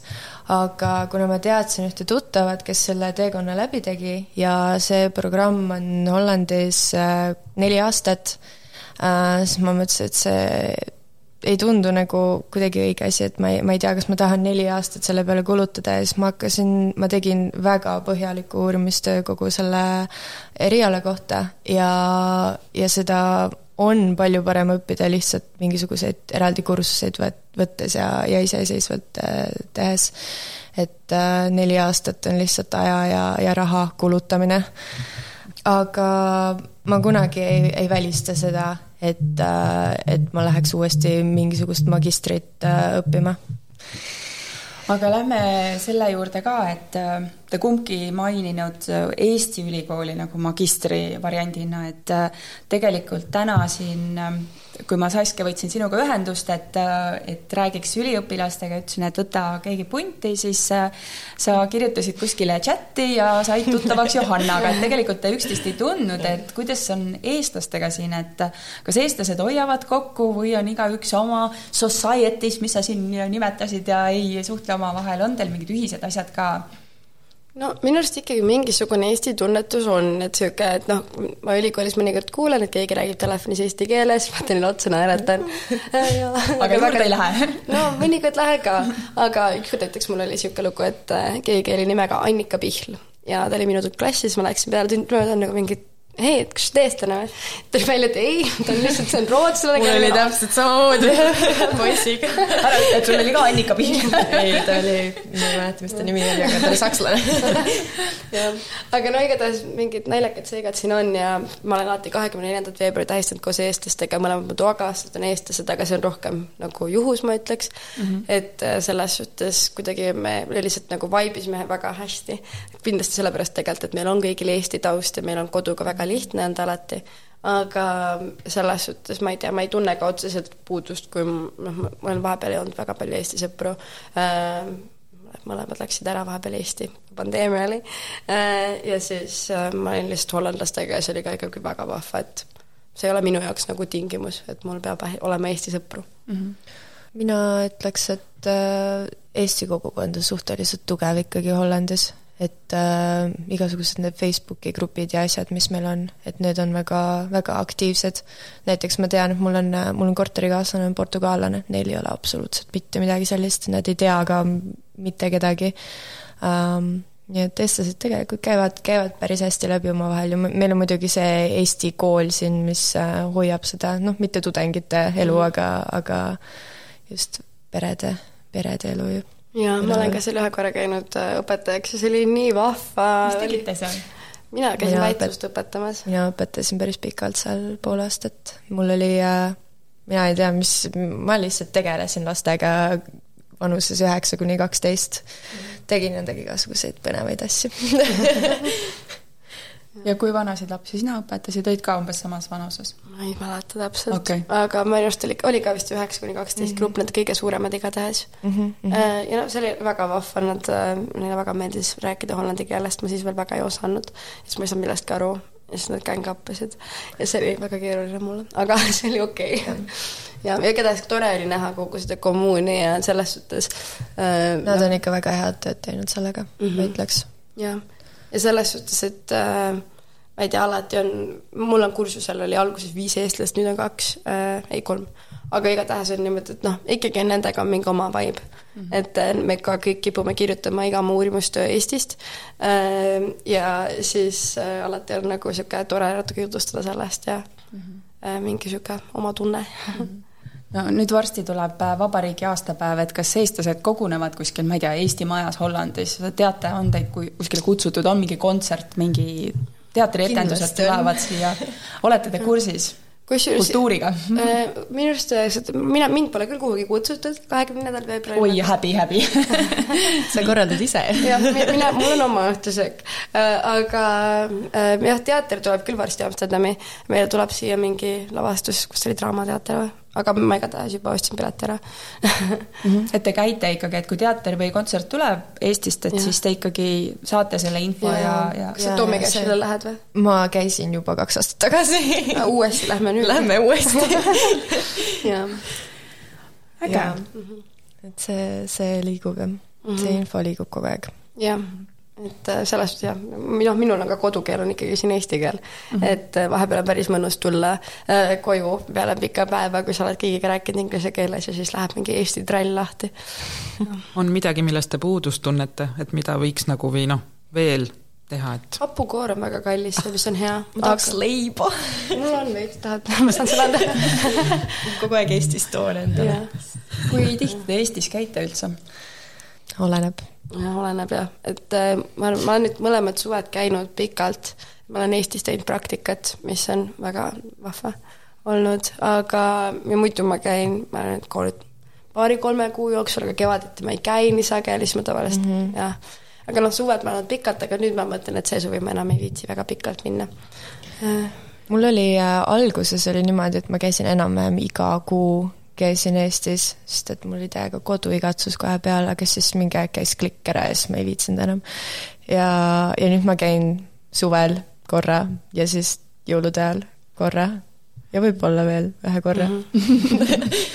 aga Saskia, sa mainisid, et käisin Eestis praktikal, kas see on midagi, mis on seotud ülikooliga või see on, sa mõtled juba järgmist sammu nii-öelda oma tuleviku töökoha jaoks, et sul oleks midagi CV-sse kirjutada? no mina mõtlesin CV jaoks seda rohkem, aga ma sain ka ülikoolist esimese praktika eest neid krediite, aga seal on see piir, et rohkem ei saa saada. ja siis ma lihtsalt katsetan erinevaid asju, sest ma ei tea, mida ma tahan teha täpselt peale ülikooli, mitte sellepärast, et ma kuidagi äh, ei teaks, mida ma teha tahan, ma lihtsalt ei kujuta ette, milline on see töö äh, politoloogia valdkonnas. ja siis ma käisin ühe korra ministeeriumis praktikal, mis oli suurepärane kogemus neil on alati tööjõupuudus ja siis ma sain üksinda teha mingit suurt projekti. Ähm, ja teinekord ma käisin äh, siis äh, konsultatsioonifirmas ja see oli niisugune erafirma kogemus, mul olid kliendid, kes mulle ei meeldinud ja väga, töökoht oli väga lahe, ma sain tasuta Coca-Colat. No aga sa tead, mida, mis sulle meeldib ja mis ei meeldi ja see on selles mõttes hea.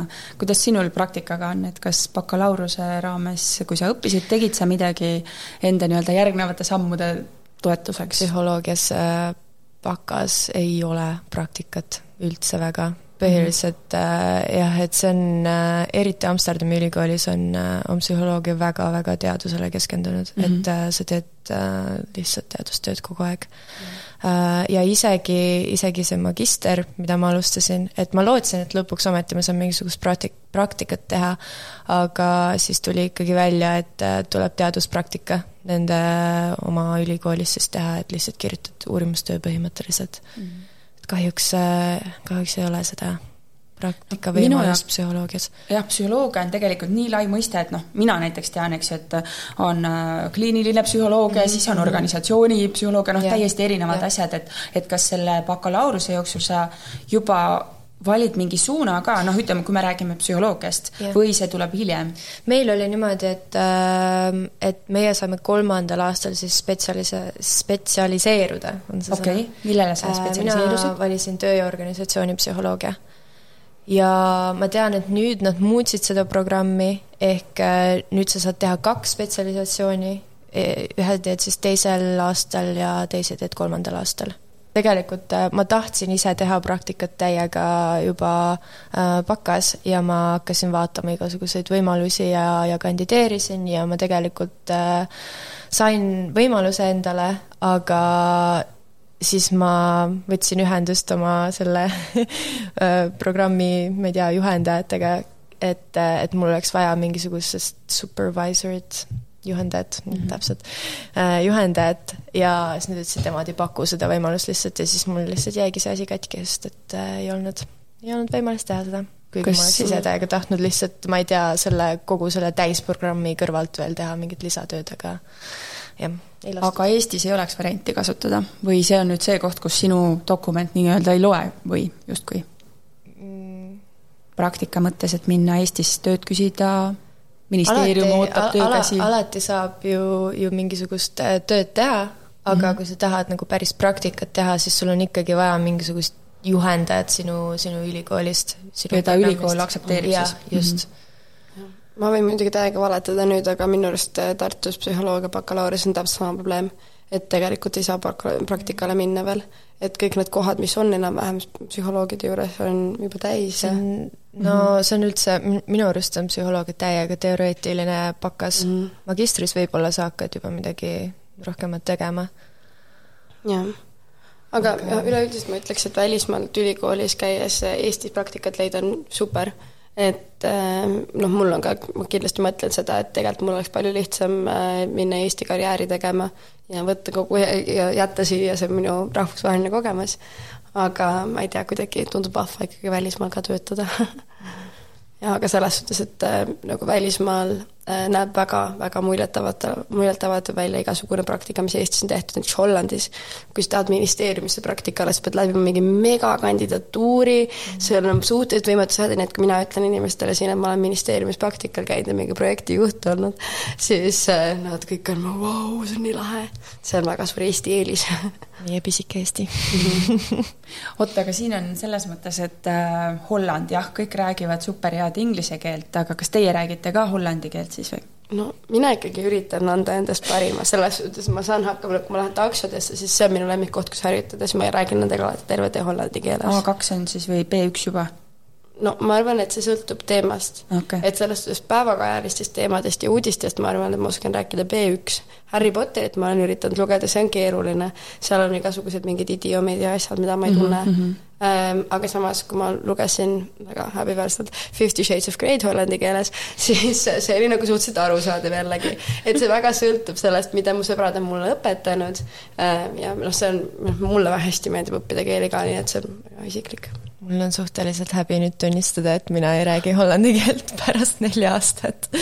Ähm, ma saan aru enam-vähem, äh, kui räägitakse, et mis teema on ja lugemisega saan hakkama, et äh, jah, mis kirjutatakse, aga rääkimisega on küll probleem, et ma ei ole aktiivselt väga õppinud, võib-olla mingeid Duolingo asju olen teinud ja ma tegelikult alustasin äh, ühte kursust ka, aga kuna seal olid mingisugused probleemid seoses koroonaga, nad tahtsid selle netis teha ja kõik nii edasi, siis mulle väga ei sobinud see um,. siis ma teda ka ei teinud ja nüüd uh, jah, aga nii raske on tegelikult uh, kuidagi sundida ennast seda hollandi keelt rääkima, sest just nagu sa ütlesid, kõik räägivad inglise keelt täiega hästi mm. -hmm. et uh, väga seda vajadust otseselt ei ole aga te ütlesite, et te käite töö, et käisite tööl kooli kõrvalt, kas siis tööl ka ei pea mm -mm. rääkima hollandi keelt, piisab inglise keelest kõik, Amsterdamis? kõik, minu arust absoluutselt kõik töökohad on, äh, on rahvusvahelised juba et siin on nii, nii palju rahvusvahelisi inimesi, räägivad inglise keeles. lausa kuuskümmend protsenti Amsterdami elanikest on rahvusvahelised mm. -hmm. aga kas see ei pane mõtlema, et võib-olla noh, okei okay,, Amsterdamis on siin inimesi mitu, mitu, mitu korda rohkem kui Eestis, aga eesti keel sureb täitsa välja niimoodi. Teie helged pead lähete, aktivistid, lähete ka Eestist ära, eesti keelt siin natuke praktiseerite, aga juba ma ei tea, viiskümmend halli varjundit loete ka hollandi keeles, on ju. aga mina, mina tahan kindlasti Eesti tagasi tulla üks hetk. Et äh, ma võtan oma Hollandi peigmehega kaasa. Ja tema räägib eesti keelt peaaegu juba rohkem, kui mina räägin hollandi keelt oh,. kui tubli, no näed, patrioot on ikkagi, vähemalt siis õpetab eesti keelt. see on minu, minu missioon. jaa, ei mulle üldse ei meeldi see kirjeldus, et kui sa lähed välismaale ära, sa oled kuidagi vähem eestlane või ma ükskord sain vanaisa käest pahandada sellepärast, et mis eestlane sa oled niimoodi mm. -hmm. ja minu arust see on nii õel või nagu minu eestlust ei saa ära võtta. et kuidagi see, kuidas, see, et mina olen nüüd välismaal eestlane, ma olen ikkagi eestlane ja ma ei tea, millal ma tahan tagasi minna, pensioniks kindlasti aga selles suhtes, et äh, tõesti noh, minul on ka tunne, et ma olen ikkagi Eesti saadik siin ja ma teen oma asja ja kuhu see eesti keel siis kaob, minu arust Eesti Keele Instituut teeb suurepärast tööd. minu arust, kui ma räägin alati hollandlastele sellest, mida teeb Eestis Eesti Keele Instituut ja kuidas me ju näiteks ministeeriumis saime iga hommik äh, meili, mis on mingid äh, kantseliidi, kantseliitliku keele vastu võitlemise jaoks, mis sõnasid kasutada, et see hakkab mingit bürokraatiat tegema. no see on suurepärane kõik, et niisugust asja Hollandis näiteks ei ole, et meie Eesti teeme ikkagi väga head tööd, et oma keelt hoida, hollandlaste näit-, ma arvan, et hollandi keel sureb enne välja kui eesti keel mm. -hmm. et äh, selles suhtes ja minul on ka tunne, et kui ma räägin oma sõpradele Eestist, no kõik on kolmsada viiskümmend korda äh, rohkema tõenäosusega sinna minemas reisima ma juba tunnen ühte poissi, kes tahab sinna elama minna, äh, sellepärast et seal on nii madalad maksud, on natukene parempoolne. Ja, ja. siis ta tahab osta endale odavat autot seal ja see on kõik asjad, mida ta noh, päriselt planeerib, nüüd. See tundub talle majanduslikult mõistlik. ettevõtlusega on hea tegeleda Eestis, sellepärast ma olen ka kuulnud, kui paljud hollandlased äh, just vaatavadki Eesti poole, et oma, oma ettevõtet asutada seal. Mm. -hmm no see e-residentsus vist annab hoogu juurde yeah. sellele ka. nojah, aga minu arust kaalutakse ka täiesti vabalt sinna elama minemist mm, -hmm. et äh, minu Hollandi poiss võib-olla poleks ka mitte midagi selle vastu, et Eesti minna elama et äh, selles suhtes see kuhugi ei kao ja ma olen äh, nüüd käinud selle viimase aasta jooksul niimoodi, et mu Hollandi sõbrad on käinud siis kogu kuu aega Eestis, et äh, nad olid suvel kaks nädalat, mille ma tegin nagu nalja, et tulge kaheks nädalaks. ma teen nüüd või ja siis ma pidin välja mõtlema, mida ma näitan meile Eestis kaks nädalat, see kõik Lõuna-Eesti kohad läbi sõidetud. sa ei jõua ja... väga midagi näidata selle ajaga, nii palju on Eestis, mida näidata. nojah, samas. mitu korda käima jah, seda küll jah. aga igatahes kõigile nii meeldib ja selles suhtes, et eestlus on ka on kõigile nii lahe fenomen. ainuke asi, mille eest ma pahandada saan, on see, et ma ei oska olla otsekohene näiteks nad leiavad, et see on imelik, kui sa ei ütle kellelegi, kui sulle ei meeldi midagi. ma olen nagu mingi no. jah, see on Hollandi asi. jah, ma ei tea, mul nagu mitu korda on seda, näiteks mul oli ükskord siin. kas hollandlased on siis veel rohkem otsekohesed kui eestlased või? jaa opa. mina, ma, ma tegelikult endaga võrreldes küll mingit vahet ei näe, ma arvan, et ma olen lihtsalt oma iseloomult otsekohene. aga kui jah, kui ma võrdlen teistega, siis, siis nad, nad jah, ütlevad välja, mis on. No need on ikka puhtalt õelad minu arust ka vahepeal. ei ole ma ei tea, minul oli näiteks niimoodi, et mul oli siin üks külaline hollandlane ja siis me olime nagu, kuule, me ostsime nii palju asju õhtusöögiks, et oled sa kindel, et sa jääd ka? me samal ajal me tähistasime mu toakaaslase sünnipäeva, ta oli juba jäänud siia hommikul ööseks, kui ma olin öelnud talle, et ei tohi ööseks jääda. siis ta oli hommikul siin, laulis sünnipäevalaulu ja siis me olime nagu, kuule, et me nüüd läheme välja ära kodust, et äh, sa äkki lähed ka, tuled ka meiega välja või? me mõtlesime, et nagu ta läheb ära, siis käiski meiega kaasas, ta tuli siia, siis ta oli meie erilisel õhtusöögil ja siis minu Hollandi poissõber ütles, et kuidas sa siis ei öelnud talle, et mine ära olen mingi, no kuidas sa ütled kellelegi, et mine ära nagu raske. ma oma arust ütlesin oma roundabout viisidel, ma tegin nalja selle üle, et tundsin. igatahes vabandust, see oli pikk lugu. no aga kes siis on tõeline eestlane? milline on eestlane? Me saame aru, et eestlane ei ole nii otsekohene, milline veel siis eestlane on, paistab teistele siin? töökas yeah. nagu alati. see põhiline on jah, see kuidagi, äh, või noh, mis minu sõprade puhul ka alati öeldakse, et äh, sa oled kuidagi nii, kogu aeg on vaja midagi teha Mm -hmm. ja et ei saa nagu rahulikult olla, mitte et kuidagi öelda, et ma ei ole laisk vahepeal või midagi niisugust, aga mul on kogu aeg vähemalt see pinge peal.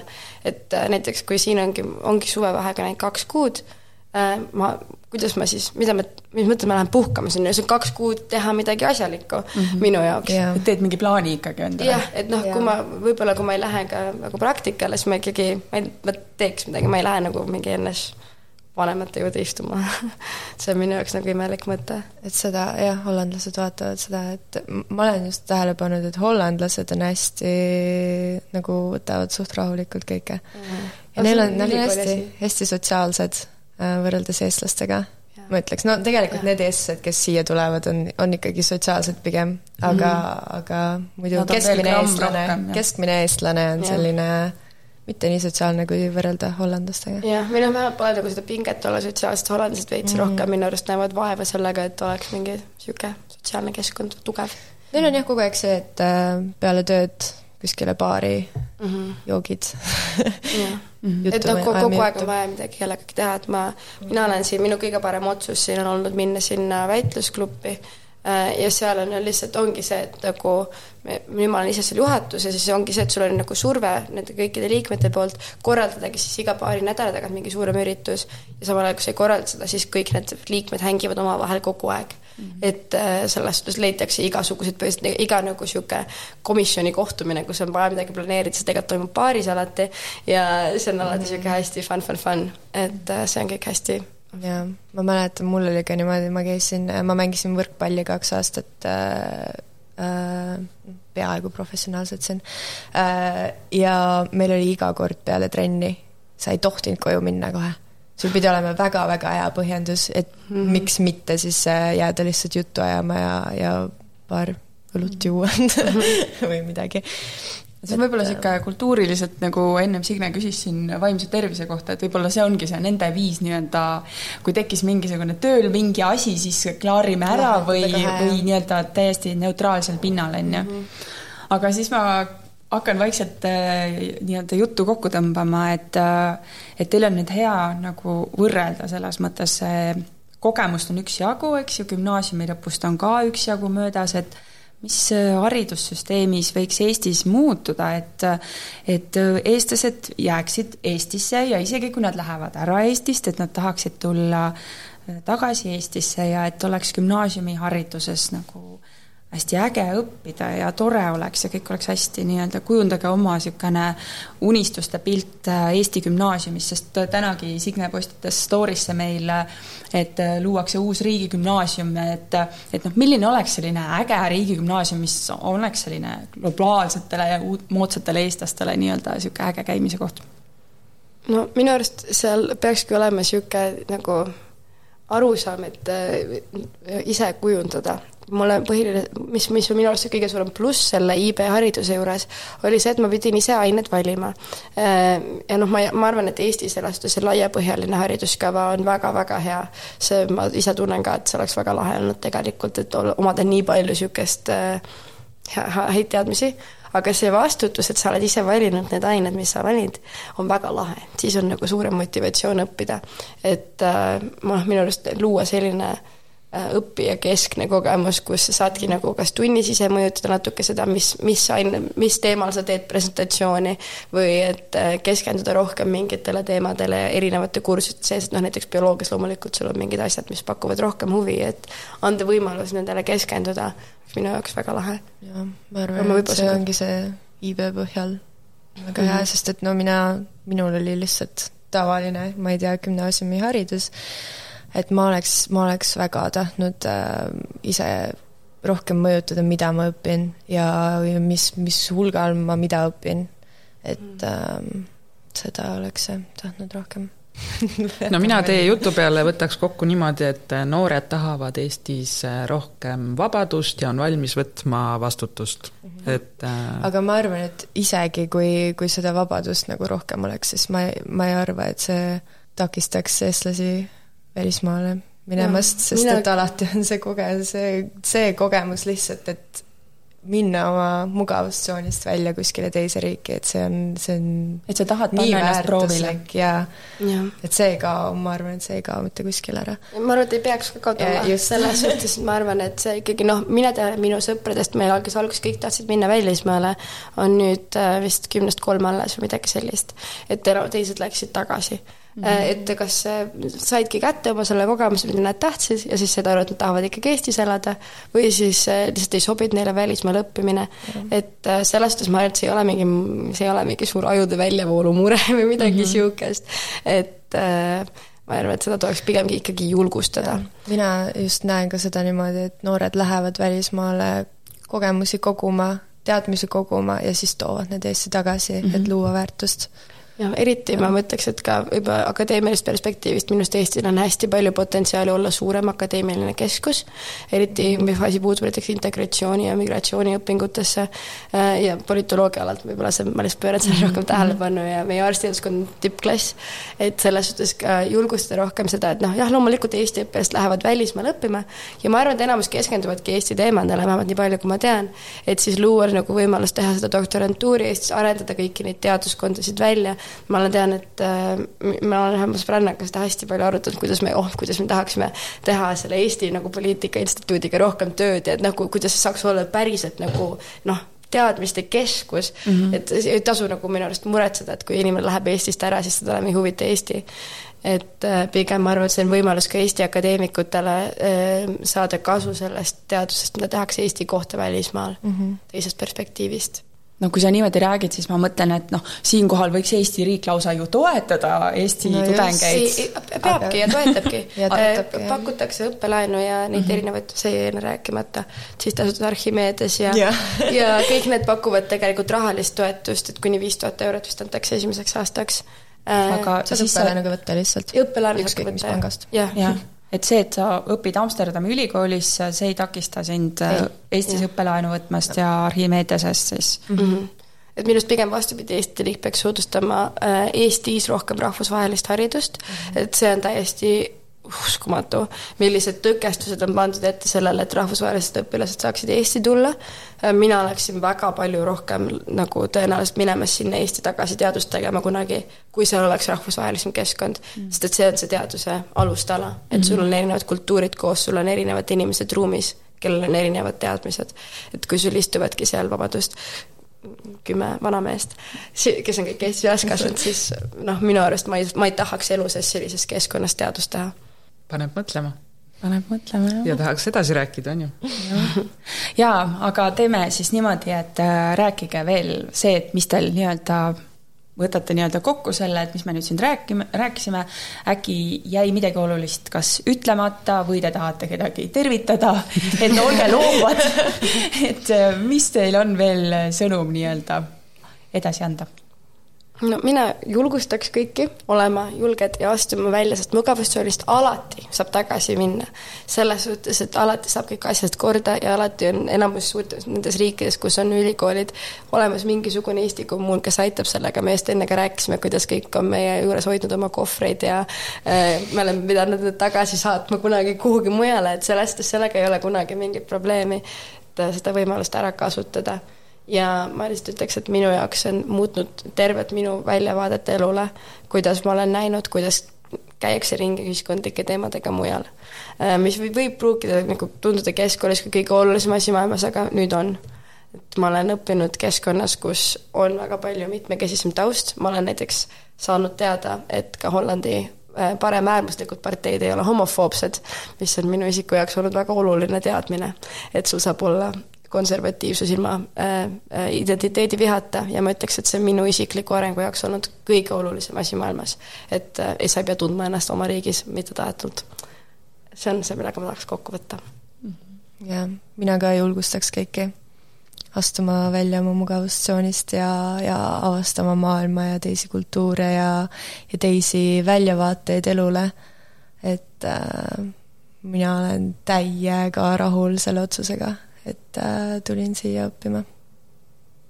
no suurepärane, aitäh teile, Johanna ja aitäh, Saskia ja mul on selline tunne, et äh, Saskiaga me peame rääkima väitlusest ka, sest see teema nagu põikles sisse ja välja kogu aeg, et äh, järgmise korrani ja aitäh teile veel kord. aitäh, aitäh.